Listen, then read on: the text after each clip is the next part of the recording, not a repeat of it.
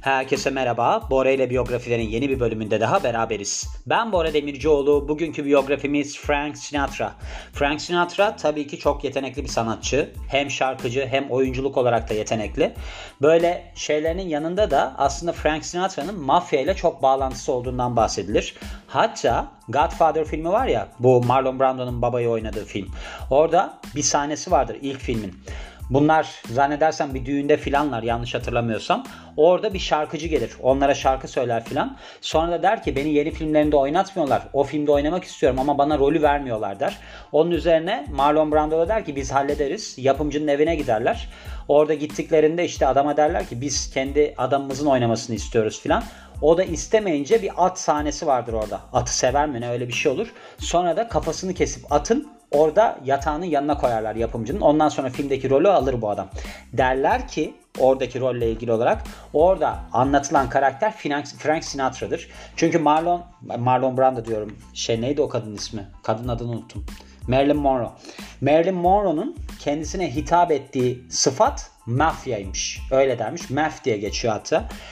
Aşk Sonsuza Kadar zannedersem Marilyn Monroe'nun bir yarı kurmaca yarı gerçek kitabı var. Orada bu hikayeden bahseder. Okursanız eğer orada da görürsünüz. Yani şu var zaten çok uzun bir kariyer. Mesela şeyle ilgili olarak da ondan bahsederler. Alain Delon'la ilgili. Alain Delon'un da işte mafya ile çok bağlantıları vardı. Hatta bir adamı öldürttüğünden filan bahsederler.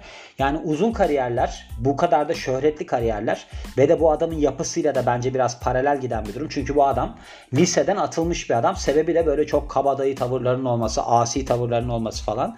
Bir de cinsellikle alakalı bir bilgi vermemiz gerekirse bu adamın bence olabilir. Çünkü şöyle söylentiler var. Cinsel organı çok büyük olduğu için kendisine özel yapılan demirle desteklenen kilotlar giyermiş. Cinsel organı çok belli olmasın diye. Şimdi ben kendim antrenör olduğum için ve de beslenme uzmanıyım. Ben normal işim bu yani. Bu hormonal durumlara falan çok hakimimdir. Şimdi şöyle bir şey var. Cinsel organı büyüten hormon testosteron hormonu. Testosteron hormonu aynı zamanda agresifliği de getirir beraberinde. Mesela işaret parmağıyla yüzük parmağına baktığınızda eğer ki bir insanın işaret parmağı yüzük parmağından daha uzunsa bu kişi anne karnında östrojene maruz kalmıştır. Yani bu kişiler depresyona meyillidir. Eğer ki yüzük parmağı işaret parmağından uzunsa yüzük parmağı testosterona maruz kaldığını gösterdiğinden testosteron da agresifliği getirdiğinden suça meyilli böyle kavga etmeye meyilli yani şiddete meyilli bir insan oluyor. Yani bu adamın cinsel organından da çıkan sonuç aslında bu adamın böyle mafyatik ilişkiler kurabileceği yönünde. Nasıl bağladım ama? Nereden nereye değil mi? Şimdi 12 Aralık 1915 doğumlu 82 yaşındayken ölüyor. Yani yay burcu. Known as olarak da bilinir Francis Albert Sinatra. Amerika doğumlu, New Jersey Amerika doğumlu. Boyu 1.73 yani boyu kısa tabii. İdeal erkek boyunu hatırlıyorsunuz 1.80'di. Benim boyumdur 1.80. 4 kere evlendi. Bunlardan bir tanesi çok güzel bir kadın olan Mia Farrow'dur biliyorsunuz. Mia Farrow'un da yüzü gülmedi. Bu adamla da mesela 2 sene evli kaldı. Ondan sonra da Woody Allen'la evlendi biliyorsunuz. Ondan sonra da üvey kızı gitti adamla evlendi. Onunla ilgili de şey var. Biyografisi var üvey kızıyla ilgili olarak. Ona da bakabilirsiniz. Yani biraz aşk hayatı kötü gitti. Bu Mia Farrow'undu. Değil mi o? Mia Farrow oynuyordu orada. Rosemary'nin Bebeği filmi var. Şey, Roman Polanski'nin. Roman Polanski'nin biyografisi de var. İsterseniz orada dinleyebilirsiniz. O da çok iyi bir filmdir. 14 Mayıs 98 tarihinde ölüyor. Kaliforniya'da ölüyor. Kanser sebebiyle öldüğü yazıyor. Fakat bunun ölüm sebebi kalp krizi diye hatırlıyorum ben. Yani bir mesane kanseri olmuştu bu ama şey olarak gitmesi lazım kalp krizi sonucunda gitmesi lazım bu adamın diğer tarafa öyle hatırlıyorum ben.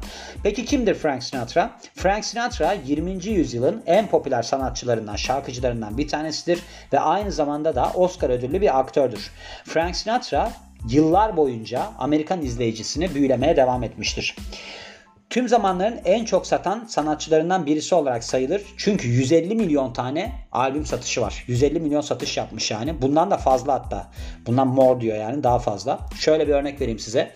Mesela George Michael dünya çapında 70 milyon civarında albüm satmıştı. Bu adam 150 milyon satmış. Şöyle gösteri dünyasına giriş tarihi 1930'lar olmasına rağmen son performansını 1990'larda veriyor. Yani 60 yıllık bir kariyerden bahsediyoruz ve show business'ta. Müthiş bir olay. Ben size öyle söyleyeyim. Müthiş bir olay yani. Kalamazsınız. Çok zor bir iş. Ben 10 sene içinde bulundum. Kalamadım işte. Yani şu anda podcast yapıyorum. Düşünün. Öyle bir durum var. Ve şöyle demiş ki inanılmaz derecede uzun kariyeri hem kendisinin böyle bir sinema izleyicisi tarafından beğenilmesi sebebiyle hem de çok güzel bir sesi olması sebebiyle devam ediyor. Hem karizmatik bir kişiliği var, hem oyunculuk yetenekleri çok üst düzeyde, hem de çok kulağa hoş gelen bir sesi var. Küçük yaştan beraber, küçük yaştan beri Frank Sinatra şarkıcı olmak istediğini bilen birisi ve demin de bahsettiğim gibi liseden böyle mezun olamıyor. Çünkü çok kabadayı tavırlar olan birisi ve aşırı derecede asi sürekli olarak okuldan uzaklaştırma alıyor. Bing Crosby, bunun kim olduğunu bilmiyorum. Onun büyük bir fanıymış ve şarkıcılığa böyle çocuk yaşta böyle bir hani tipler, bahşişler üzerinden başlayıp profesyonel olduğu yıllarda da daha büyük izleyicilere, daha büyük paralara oluşuyor ki, ulaşıyor ki zaten profesyonel olduğu zamanlar ergenlik yılları. Bazı gruplarla çaldıktan sonra solo kariyere geçiş yapıyor ve aslında bunun devamında da filmlere geçiş yapmış oluyor. Çünkü orada hem görünüş hem de bağlantıları sebebiyle anladığım kadarıyla başarılı bir geçiş yapıyor. Şimdi aslında kendisine başarı çok da kolay gelmiyor. Pek çok zorluğu atlatıyor ve her zaman bundan geri dönmesini biliyor. Yani bu aslında çok önemli bir nokta. Mesela Serena Williams öyledir. Serena Williams var tenisçi. O kadının da olayı şudur. Serena Williams'ın biyografisi de var bu arada dinlemek isterseniz. O da mesela maçın kötü gittiği durumlarda zihinsel olarak çok güçlü bir kadın olduğundan maçı çevirebiliyor. Yani bu optimist yanımızı hiçbir zaman kaybetmememiz gerekiyor. Hani bazı durumlar olabiliyor, bazı zorluklar olabiliyor filan. Mesela benim böyle sarsıntılı bir ruh halim var yani. Böyle bir iniyor çıkıyor bir şeyler oluyor. Ama ben insanlarla özel ders yaptığım için insanlara bunu yansıtmamak benim için çok önemli. Yani Baktığımda bir insan geliyor benimle spor yapıyorsa ben ona %100 iyi hissettirmeliyim. Çünkü orada bir çaba var. İnsanlar geliyorlar bu kadar zahmet ediyorlar. Zaten kendilerini dönüştürmek için bir şey yapıyorlar. Yani şu var ne kadar kötü durumda olursak olalım optimist kalmak zorundayız. Bu bir mecburiyet yani. İnsanın içinden gelen bir şey onu anlayabiliyorum ama bunu yapmak zorundayız. Hem popüler bir şarkıcı hem de son derece beğenilen bir aktör olarak kendisini Amerikan tarihinde önemli bir yer edinmiş bir sanatçıdır demişler. Çocukluğuna bakarsak Francis Albert Sinatra olarak doğuyor. Babasının adı Antonino Martino Sinatra ve annesinin adı da Natalina Garaventa. Bu New Jersey'de dünyaya gelen İtalyan göçmeni bir ailenin çocuğu ve aslında anne babasının tek çocuğu. Babası bir itfaiyeci, annesi ise amatör bir şarkıcı.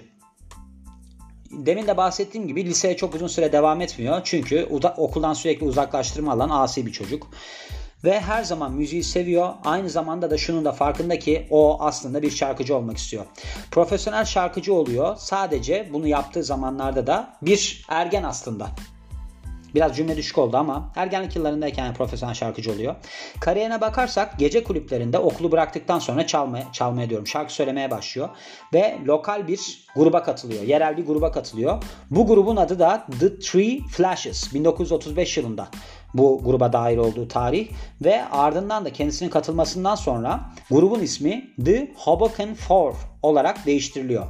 Edward Bowes'un şovu Major Bowes Amateur Hour'da görülüyorlar. Böyle bir şova çıkmışlar yani. 1930'ların sonlarına doğru Tommy Dorsey'nin grubuna katılıyor. Bu orkestraymış ve böylece kariyerinde büyük bir sıçrama yapıyor. Kısa süre sonra ise Frank Sinatra son derece popüler bir şarkıcı haline geliyor. Çünkü Dorsey ile araları son derece iyi. Ancak zaman içerisinde ilişkileri bozuluyor. 1942 yılında da bandtan, gruptan ayrılıyor. 1946 yılında ilk stüdyo albümü The Voice of Frank Sinatra'yı yayınlıyor ve bu albüm bir numaraya yerleşiyor Billboard listelerinde ve pozisyonunu 7 hafta boyunca koruyor. Sonraki birkaç yıl boyunca Songs by Sinatra 1947, Christmas Songs by Sinatra 1948, Frankly Sentimental 1949 ve Dedicated to You 1950 yıllarında bu albümleri yayınlıyor. Bunlardan hiçbirisi ilk albümü kadar başarılı olamıyor. Bunu da söylemem lazım. Hollywood'a aktör olarak katıldığı yıllar 1940'lar ve 1953 yılında From Here to Eternity filmi yayınlanıyor. Yani gösterime giriyor. Burada bir hikaye var. 3 tane asker üzerinden dönüyor. Pearl Harbor saldırısından önceki aylarda Hawaii'de konuşlanmış bir askeri şey işte yani 3 kişiden dönen bir hikaye. 3 kişi, üç, üç kişi üzerinden dönen bir hikaye. Ve film süper hit oluyor. Çok tutuyor yani. 1960 yılında Nice and Easy albümü yayınlanıyor. Bir numaraya yerleşiyor Billboard listelerinde ve burada 9 hafta boyunca kalıyor. Ayrıca Grammy ödüllerinde yılın albümü, en iyi erkek vokal performansı ve en iyi düzenleme dallarında adaylık alıyor. One Rhines Express. İkinci Dünya Savaşı macera filmiymiş bu. 1965 yılında yayınlanmış. Burada da rol alıyor. Kendisi de böyle şeyden İtalya'nın bir şeyinden ateşkesinden sonra topluca kaçmaya çalışan şeyleri oynuyorlarmış. Mahkumları oynuyorlarmış. Böyle bir esir kampından kaçmaya çalışan galiba anladığım kadarıyla. Bu da 1943 şeyinde Eylül'ünde olan bir durummuş. Bu gerçek hikaye galiba bilmiyorum. Ve bir konsept albümle 1970 yılında çıkıyor. Water Town isminde. Burada şey varmış. Bir adamın trajik hikayesi. Burada karısı onu terk ediyor ve iki çocuğu da onu terk ediyor yani. Büyük bir şehre taşınıyor. Albüm son derece karışık eleştiriler alıyor yayınlandıktan sonra. Yani bazısı beğeniyor, bazısı beğenmiyor falan. 1971 yılında Sinatra emekliliğini açıklıyor. Ancak çok uzun süre bu emekli modunda kalamıyor ve tekrardan show business'a geri dönüyor. Bunu biliyorsunuz bizim ülkemizde de yaptılar. Kim yaptı mesela? Yani Teoman yaptı mesela bunu. Ben müziği bırakıyorum filan dedi. O benim Teoman'a yakıştıramadığım bir durumdur. Adnan Şenses gene yaptı. Elveda dostlar mı öyle bir hatta şarkı bile yaptı. Sonra geri döndü. Oluyor yani böyle şeyler. Demek ki bakın İtalya'da var. Yerlisi de var. Sonra, sonraki birkaç yıl boyunca da albümler yapmaya ve de pek çok filmde yer almaya devam ediyor.